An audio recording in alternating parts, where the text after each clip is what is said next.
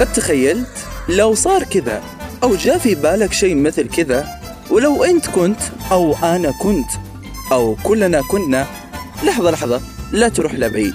واسمعني ببرنامج خيال. معي أنا سالم مكشوف.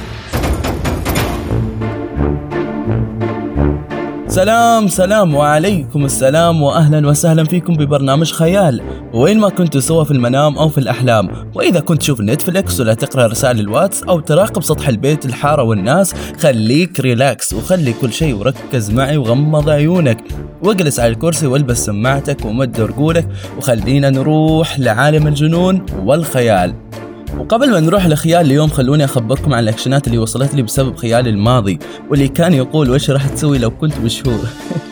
وفي من قال بكون نفس توم كروز وجون سينا وكريستيانو وميسي وفي من قالت بكون نفس شاكيرا وبيونسي. وأنا أقول لكم الحمد لله أنكم ما صرتوا مشاهير. عموما نروح لخيالنا لليوم اللي متأكد كل التأكيد إنه راح يعقب عشاق الفضاء وعالم الخيال بكثرة. الأشخاص اللي عندهم هوس كبير بالتعرف على عالم الخيال والفضاء. وكل من يعشق الفضاء ويسمعني الآن أقول لك يلا نروح ونتعرف على خيالنا لليوم اللي يقول ماذا راح تفعل لو كانت الكائنات الفضائية بيننا اليوم؟ لو كانت الكائنات الفضائية بيننا اليوم راح يكون وضعنا مختلف تماما. يعني ممكن يكون في علاقات تجارية واقتصادية بيننا وبينهم. يعني وأخيرا نقدر نروح للفضاء بدون خوف وقلق من أي شيء. نقدر ندور الكواكب ونتمشي فيها ونتعرف على مخلوقات جديدة. بس أكيد بتكون علاقاتنا سلمية.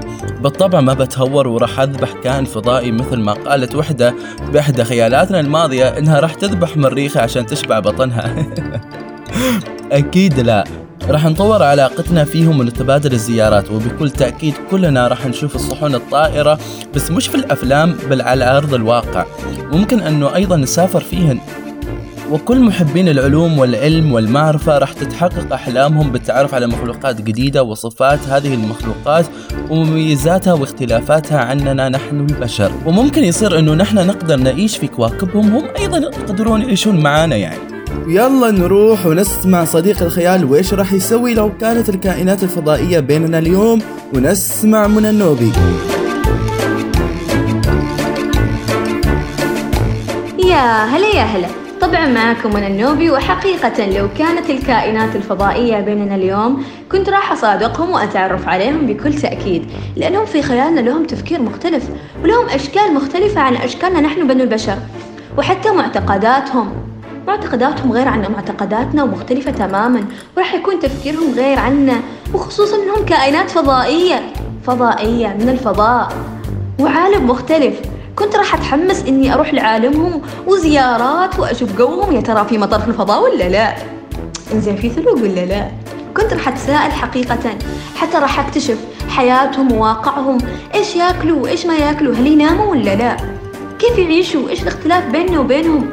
هل يعني حياتهم مثل حياتنا ولا مختلفة؟ راح أفرح كثير لو كانوا معنا على أرض الواقع وأتوقع إنه راح تكون حياة مشوقة كثير وممتعة وحاجات خيالية راح تحصل من دنيا الخيال إلى الواقع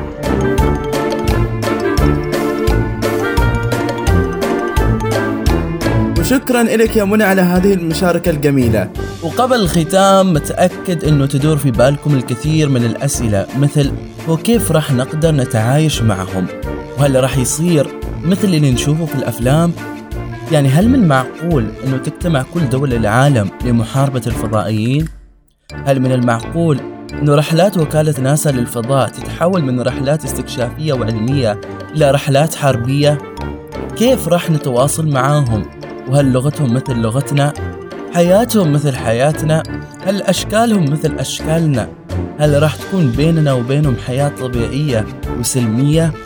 كل هذه التساؤلات إجابتها كلها في علم الغيب وأيضا تتعلق بأمر واحد وهو مدى تقبل البشر لفكرة أنه في حياة لمخلوقات حية على الكواكب الأخرى بس السؤال المهم اللي راح أترككم كلكم تجاوبون عليه وهو كل الأفلام التي تم عملها عن الفضاء والفضائيين وما زالت مستمرة إلى يومنا هذا.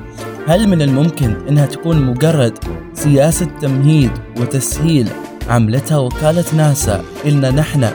من أجل مواجهة مستقبل قد يكون مرعب أو مخوف للبشر. وصلت معاكم إلى الختام. أنتظر سماع إجاباتكم. ولا تنسون تنشرون الحلقة عشان أنتم أيضا تسمعون الإجابة من أشخاص آخرين. وإلى اللقاء.